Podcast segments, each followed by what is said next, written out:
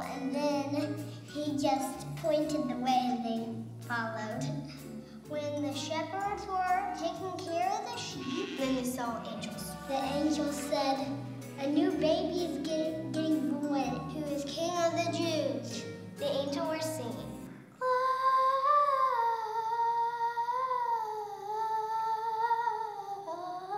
Glorious. And then the shepherd said, I think we should go there and meet him. The second, I think, said, Yeah, I agree with you. And the other said, Yeah, me too. They had to walk through a bunch of grass and bushes, maybe have to camp out a night. And then the wise men heard about it. And then a star appeared. Well, we should probably follow that star. It's pointing down to the barn. So maybe we should follow it. Maybe. So the wise men went to Jesus. They gave them gifts. Is the fan look like a hippo one? They have at home. some diapers and some wipes and some milk, some shoes, some Jordans. Gold ring and Latimer. And I don't know how it would survive in that barn. Too stinky, too crowded, and ugh. I think he probably because the room is very smelly. Thank you for coming. He's adorable. He's gonna be our best friend. I love you and you're the best baby I ever seen. There, I said it. The new baby is gonna change the world.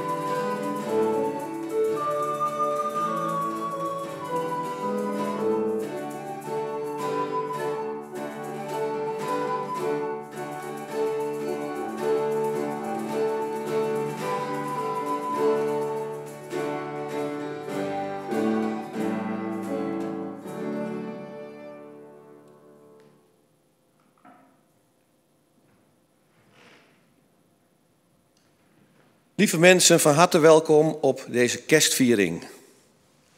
Aan deze viering werken mee Amédée van Langeveld op piano, Lijken en Gert Rijks en Lex Blok als voorzangers, Peter Mekkink, ritme, voorganger Jolande van Badenwijk en blokfluit Willem Lindeman. De kaarsen zijn aangestoken, de paaskaars en de adventskaarsen, als teken van Gods aanwezigheid. De hemel glimlacht teder naar de aarde en verklaart haar de liefde. Ze kleurt ervan. Hun geheim zit niet in een aardbeving, niet in een storm, maar in een kind. Kwetsbaar, verwonderend, onbevooroordeeld, verbindend, vol energie, liefdevol de hemel en de aarde omhelzend. Een nieuwe tijd is geboren. Ik wens u allen een hele goede viering.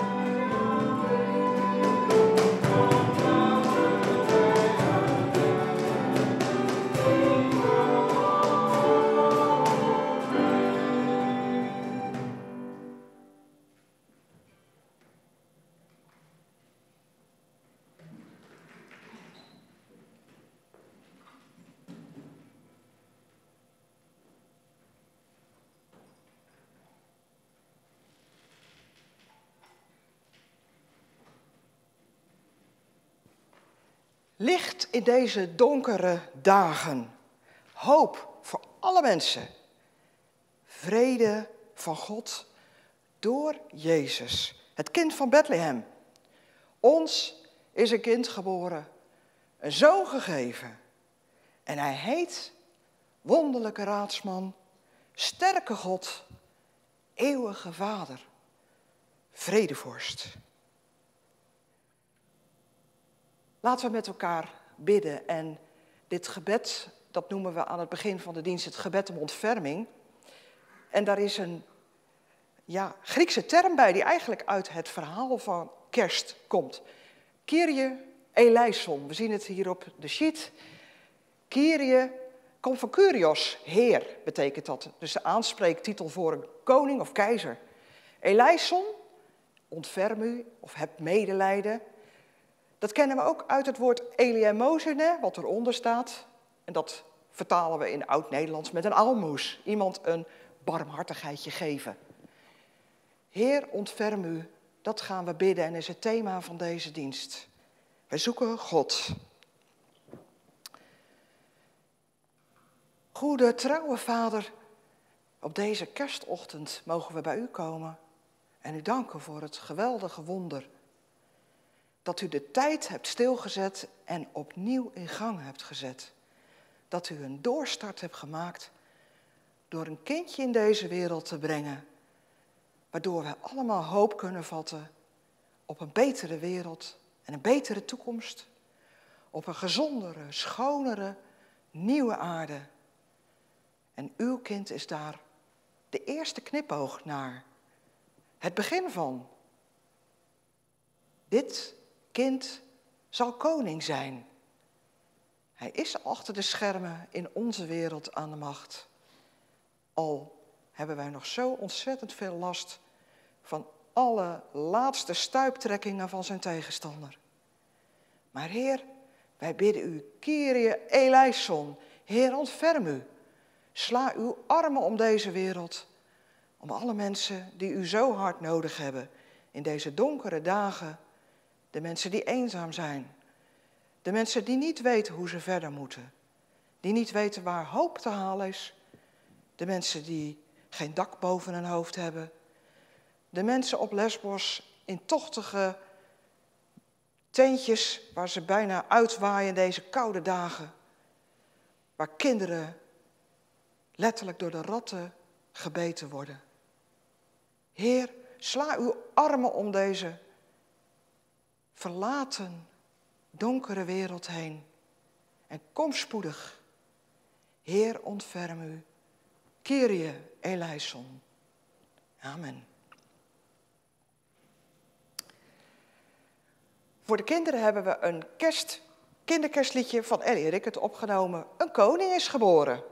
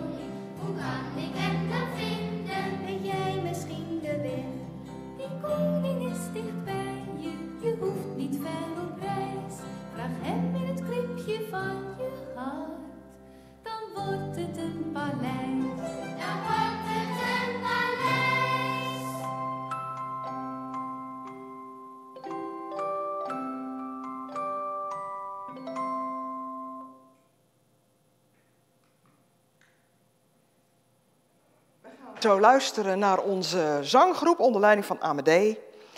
En zij zingen het lied uit de Messiah van Hendel.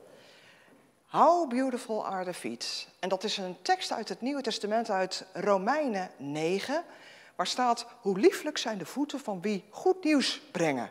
Ja, dat klinkt natuurlijk heel poëtisch en zo zeggen we dat niet in het dagelijks leven als we de postbode bij de deur een kerstkaartje zien brengen, maar dat kun je je wel voorstellen. Maar die tekst uit Romeinen 9, die komt uit Jesaja 40, want in het Nieuwe Testament worden heel veel teksten en profetieën uit het Oude Testament geciteerd. En die lees ik wel even uit Jesaja 40. Beklim een hoge berg, vreugdebode Sion. Dus een postbode met goed nieuws. Verhef je stem met kracht, vreugdebode Jeruzalem. Verhef je stem en wees niet bang. Zeg tegen de steden van Juda, zie, hier is jullie God. Daar is de Heer. Hij komt met kracht. Hij, zijn arm zal heersen. Zijn loon heeft hij bij zich.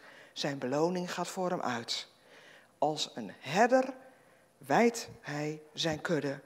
Zijn arm brengt de lammeren bijeen, hij koestert ze en zorgzaam leidt hij de ooien.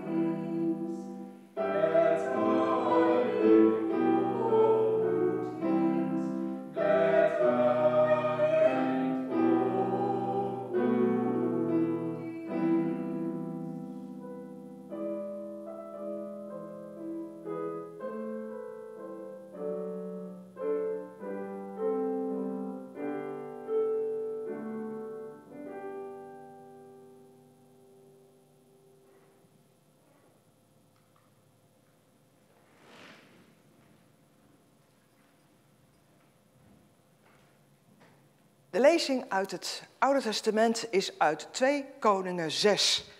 Dat is een beetje een onverwacht stuk op een uh, kerstochtend, maar het gaat over een heel bijzondere gebeurtenis die plaatsvond voor mensen die heel hard een beetje extra steun en bemoediging nodig hadden. Het gaat over de Arameërs, dat zijn de Syriërs, die belaagden toen Israël. De Arameërs kwamen s'nachts bij Dothan aan, een stad en omsingelde deze stad. En toen de bediende van de profeet Elisa de volgende morgen opstond en naar buiten kwam, zag de bediende dat de stad helemaal omsingeld was door een leger met strijdwagens en paarden. Nou, de schrik sloeg hem natuurlijk om het hart. Wat moeten we beginnen, heer? riep hij uit. Zijn meester, Elisa, antwoordde: Wees niet bang, wij zijn met veel meer dan zij. En hij bad, Heer, open de ogen van mijn bediende, laat het hem zien.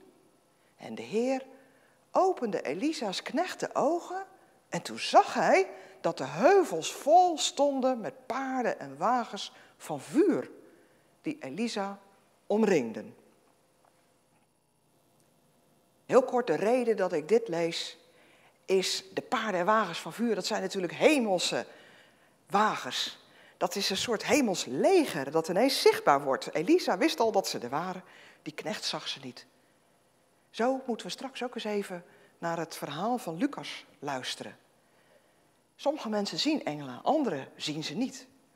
Als je ze ziet, is dat een bijzonder teken van bemoediging. Denk ook maar aan het moment dat Elisa profeet wordt, maar dan neemt hij het stokje over van zijn voorganger, de oude profeet Elia. En hij vraagt eigenlijk, mag ik een dubbel deel van uw kracht en uw moed, uw geest krijgen? En Elia zegt, ja, maar daar ga ik niet over. En nou vraag je wel iets heel moeilijks. Maar weet je, als je ziet hoe ik naar de hemel word gebracht, als je ziet hoe, dan mag je erop vertrouwen. En dan ziet Elisa hoe Elia naar de hemel gaat. Met vurige wagens en paarden. Nou, daar kennen we ook allemaal liedjes over. Zoals dat van Shai Coltrane, hoe heet het ook alweer? Go like Elijah. Maar dat, daar gaat het hier om. En straks lezen we met dat in ons achterhoofd Lucas 2. Eerst gaan we luisteren naar de lezing uit Lucas en dat zal Willem Lindeman voor ons lezen.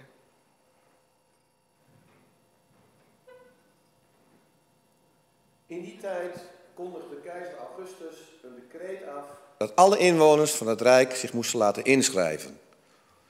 Deze eerste volkstelling vond plaats tijdens het bewind van Quirinius over Syrië.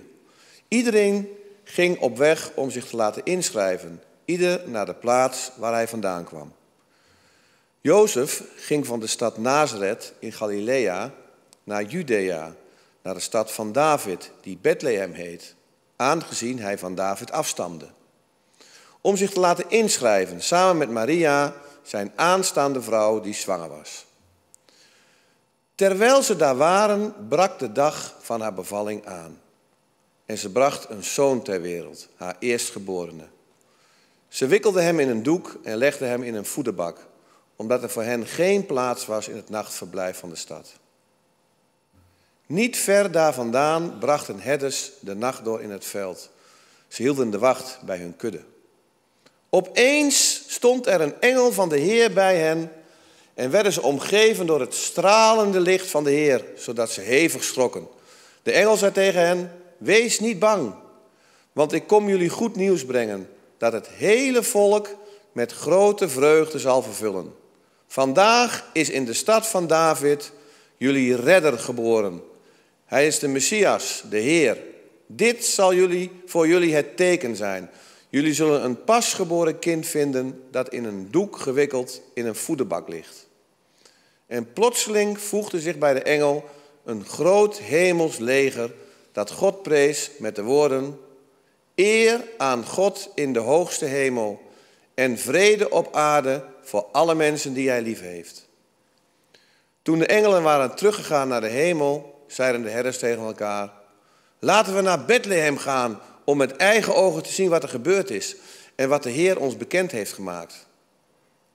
Ze gingen meteen op weg en troffen Maria aan en Jozef en het kind dat in de voederbak lag. Toen ze het kind zagen, vertelden ze wat hun over dat kind was gezegd. Allen die het hoorden, stonden verbaasd over wat de herders tegen hen zeiden. Maar Maria bewaarde al deze woorden in haar hart en bleef erover nadenken. De herders gingen terug, terwijl ze God loofden en prezen om alles wat ze gehoord en gezien hadden, precies zoals het hun was gezegd.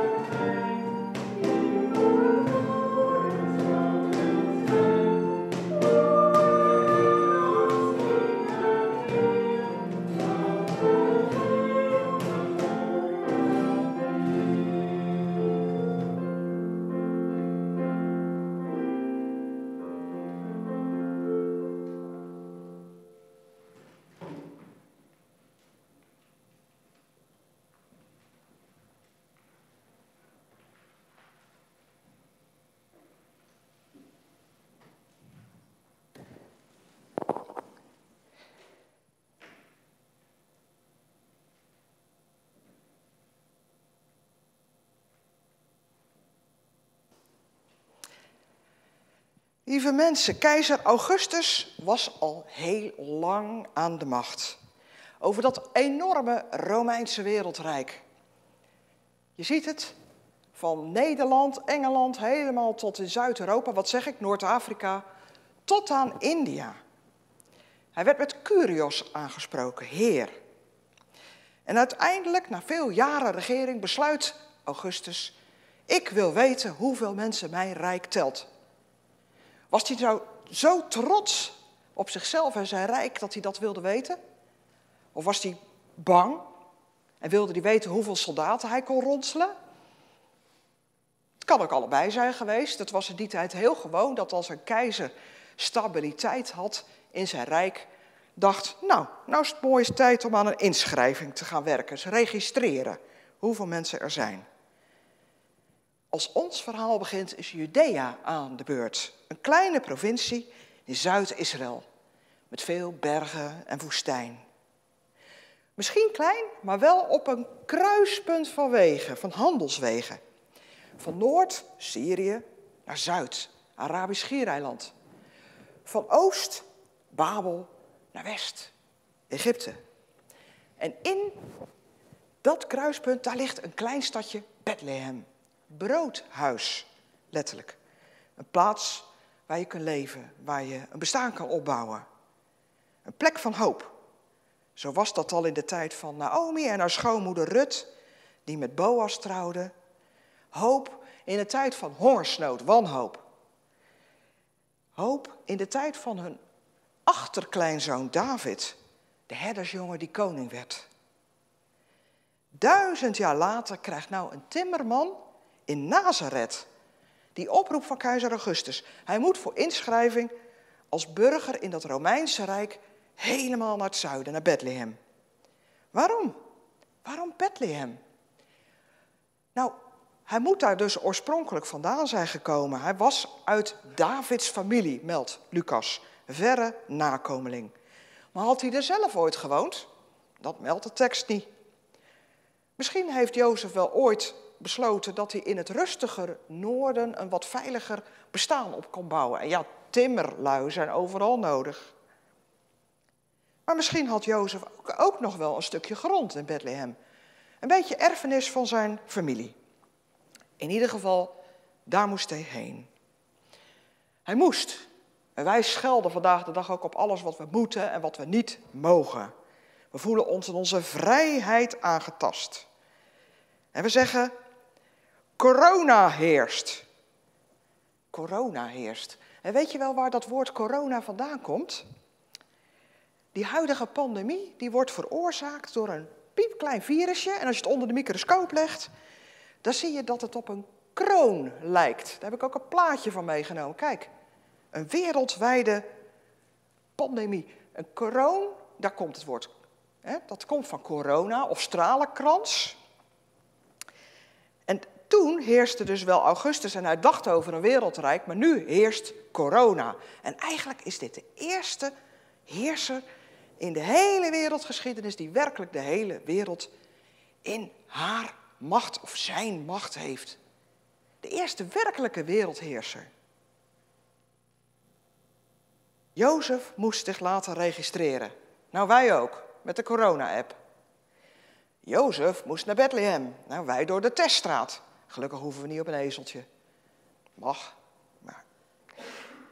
Jozef ging met zijn verloofde Maria. Hij liet haar niet thuis, want ze was hoogzwanger. Ze was aan hem uitgehuwelijkt. En daarom moest ook zij worden ingeschreven. En ook al bleek dat Jozef niet de biologische vader was, hij voelde zich toch verantwoordelijk voor haar. Het was een zorgzaam man. Ja, wat zou jij doen als je nou zo'n lange reis in de schoenen geschoven werd en een hele tijd niks verdienen en nog een hoogzwangere vriendin ook waar je niet eens de echte vader van bent? Tja, wat zou jij doen? Misschien bidt Jozef ook wel, Heer, ontferm u, Kyrie eleison. Hij zoekt Gods kracht erbij. Eigenlijk is Jozef heel erg onderbelicht, altijd. Het is eigenlijk een geweldige kerel, want hij laat zijn zwangere verloofde niet stikken. Ook al is haar kind niet van hem. Nee, hij biedt haar en later ook zijn onechte kind, Jezus, veiligheid. Hij is een vader naar het voorbeeld van zijn hemelse vader. Zo vent. Jozef is uit die familie van Isaï, Davids vader. Er zijn allerlei profetieën bij Jezaja over die tellig uit dat huis van David. Is Jozef die erfgenaam van er zal een takje voortkomen uit de afgehakte tromp van Isaï. Er zal een tellig gaan groeien. Nee, niet Jozef. Niet Jozef wordt die tellig. Want God passeert Jozef, de biologische weg. Zodat geen mens, en zelfs deze geweldige vader Jozef later, kan zeggen, kijk, hè, dat heb ik nou eens gedaan, dat heb ik gefixt. Mijn zoon. Nee, op het cruciale moment in de wereldgeschiedenis brengt God zelf een kind. En hoe? Dat snappen we niet. God passeert voor even zijn eigen natuurwetmatigheden. Maria is het meisje dat de moeder van Jezus mag worden. Maar ook zij zal nooit mogen zeggen, en wij ook niet over haar, ze is de moeder van God. Nee, God brengt op zijn manier zijn kind in deze wereld. Dat is een zo wonderlijk iets, daar, daar, daar breken al 2000 jaar ons hoofd over. Maar Lucas meldt in zijn verslag nog veel meer wonderlijke gebeurtenissen. Want als Jezus geboren wordt, is dat niet in een paleis. Nee, hij wordt geboren in een stal. En die werden in Bethlehem eigenlijk uitgehakt uit de rots. En daar werd er zo'n zo'n stroodakje overheen en een, nog zo'n galmel muurtje omheen gezet om de ergste wind buiten te houden voor het vee. En daar werd daar een stenen voederbak in die grotwand uitgehakt. Nou, daar wordt dan Jezus nu ingelegd, in wat stro. Wat een contrast tussen deze baby in de voederbak, die wijst later met Kyrie, met Heer gaan aanspreken, en de keizer Augustus, de machtige keizer van, hij dacht, de hele wereld.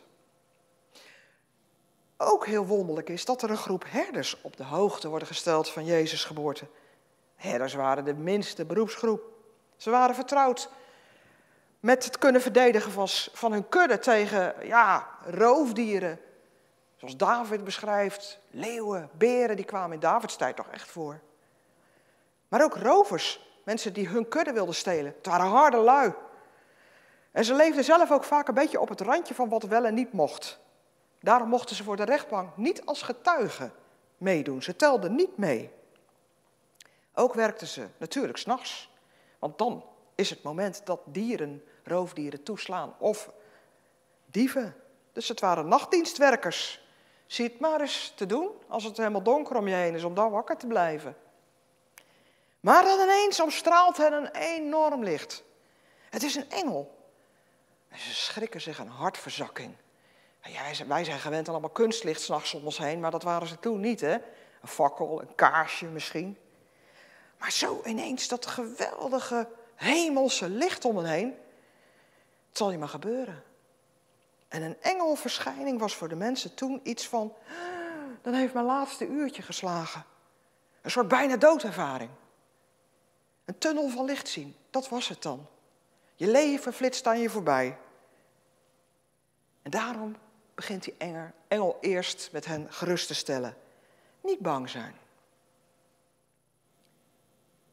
De herders worden door God zelf uit het donker gehaald, in het licht gezet. Zij mogen het eerst, na Jozef en Maria natuurlijk, van dat kindje Jezus horen. Vandaag is jullie een redder geboren, de Messias, de Heer, de echte Heer van hemel en aarde. Voor hen, zegt de engel, voor hen is die geboren. Herders. Zij, de minste, krijgen een helper. Iemand die voor hen opkomt, een redder. Arm, net als zij zelf. Ook een kind telt voor de rechtbank niet mee. De keizer van Rome mag wel beweren dat hij orde, rust en vrede brengt en eisen dat men hem Curios noemt. en zelfs vereert alsof hij een god is. En die keizer mag zich verbeelden dat hij met harde hand orde handhaaft en dat dat vrede heet, de Pax Romana. Maar voor de herders is de VIP-behandeling die zij van engelen krijgen echte vrede. Want zij worden voor het eerst serieus genomen. Ze mogen voor het eerst meetellen. Die het minst werden gerespecteerd, krijgen de VIP-plek. En de laatsten worden de eerste. Dat is precies hoe Gods rijk werkt. Alles is andersom. Het teken dat de engel waarheid spreekt, is dat ze een pasgeboren kindje in een voederbak zullen vinden in Bethlehem.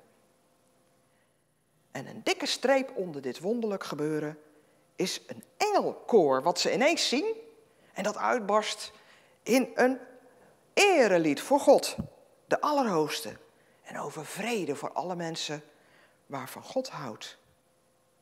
Wonderlijk. Wij bidden, Heer, ontferm u over ons in onze wanhoop. Dat doen we elke keer als we in de kerk zitten, dat doen we tussendoor als we ellende op tv horen of dicht om ons heen. En als wij bidden, Heer, ontferm u, dan antwoordt God hier in het kerstverhaal met, kom, verwonder je hier, mensen. Dat doet hij door ons engelen te laten zien. Hij laat ons de ogen ineens opengaan. Precies zoals voor die knecht van Elisa. Engelen zijn op aarde aan het werk. Niet. Ze hangen niet ergens in de lucht. Het zijn niet soort tussenwezens. Nee, ze werken hier om ons heen, al zien wij hen niet. Ze beschermen ons, ze zegenen ons namens God. Het zijn bodyguards. En ze fungeren in de rol van postbode van goed, hoopvol, wonderlijk mooi nieuws. Zoals Maria Gabriel op bezoek kreeg. En ook Jozef. En nu de herders. Gabriel kwam niet door de schoorsteen bij Maria binnen. Nee, gewoon door de voordeur. En hij kwam in haar huis, staat er. Nou, die herders die willen na alles wat ze gehoord hebben nu zichzelf overtuigen.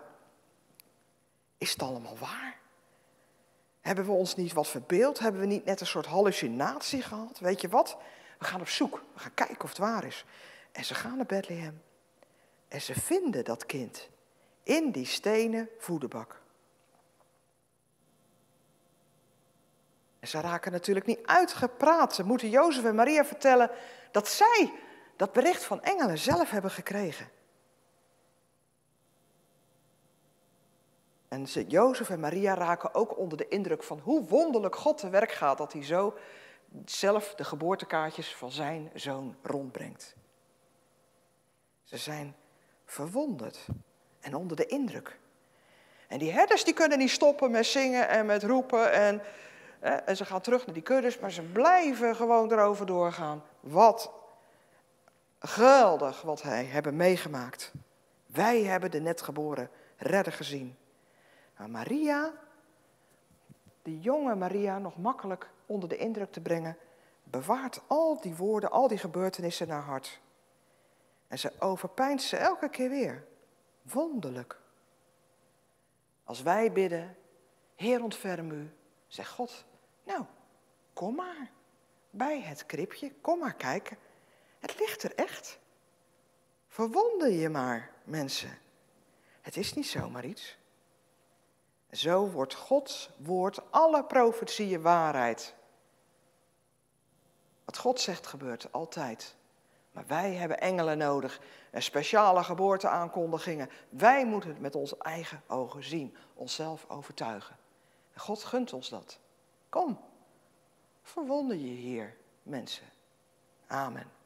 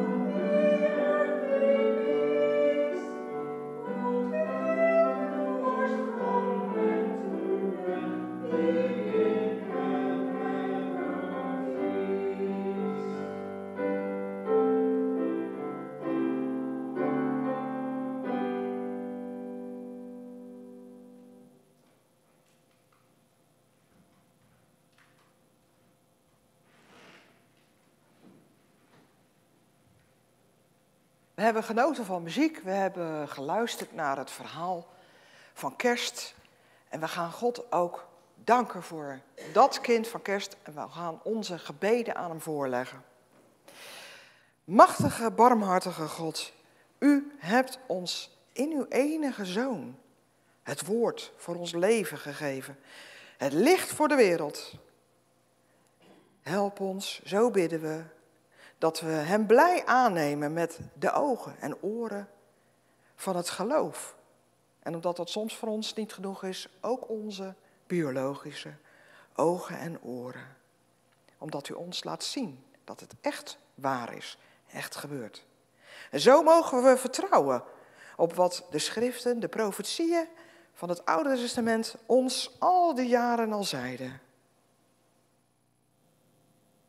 Dank u dat u ons er zelf bij sleept, bij de kribbe, om het kind te zien. Het kind waarmee deze nieuwe jaartelling begonnen is. En zo leven wij al in 2020 jaar na de komst van uw zoon, Anno Domini. Het jaar van onze Heer, Jezus Christus. Heer, als wij ons zo verwonderen, dan zijn we enorm daarin opgenomen en door overweldigd. En zouden we stil kunnen zijn. Maar toch, Heer, kunnen we het niet laten om te roepen, ontferm u over allen die u zo hard nodig hebben. Over ons zoals we hier zitten. Over het arme Armenië dat op het moment binnengevallen wordt vanuit Azerbeidzjan en het Turkse leger. Wilt u de mensen daar, met wie we ook in geloof verbonden zijn, steunen, bemoedigen, juist in deze dagen van kerst? Wilt u zijn met de vluchtelingen op Lesbos? We kunnen ons niet voorstellen waar zij moed of hoop of bemoediging uit moeten putten, maar Heer, u kunt hen bereiken, u kunt hen zelf aanraken met uw licht, uw liefde, uw warmte, hoop geven. Geef ons, Vader, armen om naar hen uit te reiken. Maak dat wij wegen vinden, creatief, om toch voor hen op te komen, om hen onderdak te bieden. Zo leggen we alles voor u neer.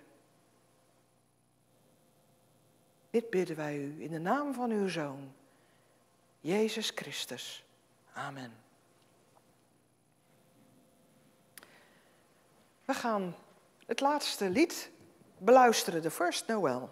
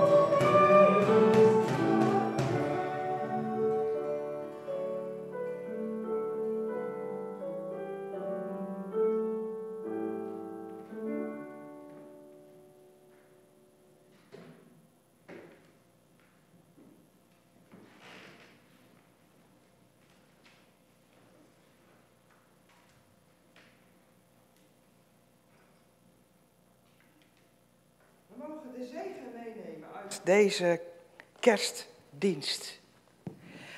Groot is Gods heerschappij, dat hebben we ervaren. Groot is Jezus' vrede. En aan die vrede komt geen eind.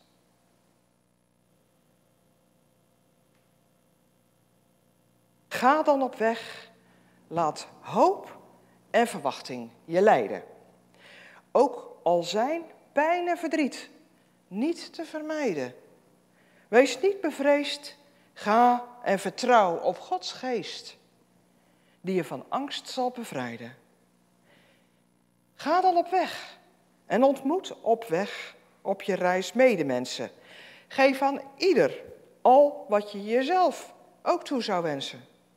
Dan, onder het gaan, zul je de ander zien staan en overschrijd je je grenzen. Ga dan op weg, schud af al je twijfels en zorgen. Ga en ontdek wat vandaag nog voor jou is verborgen.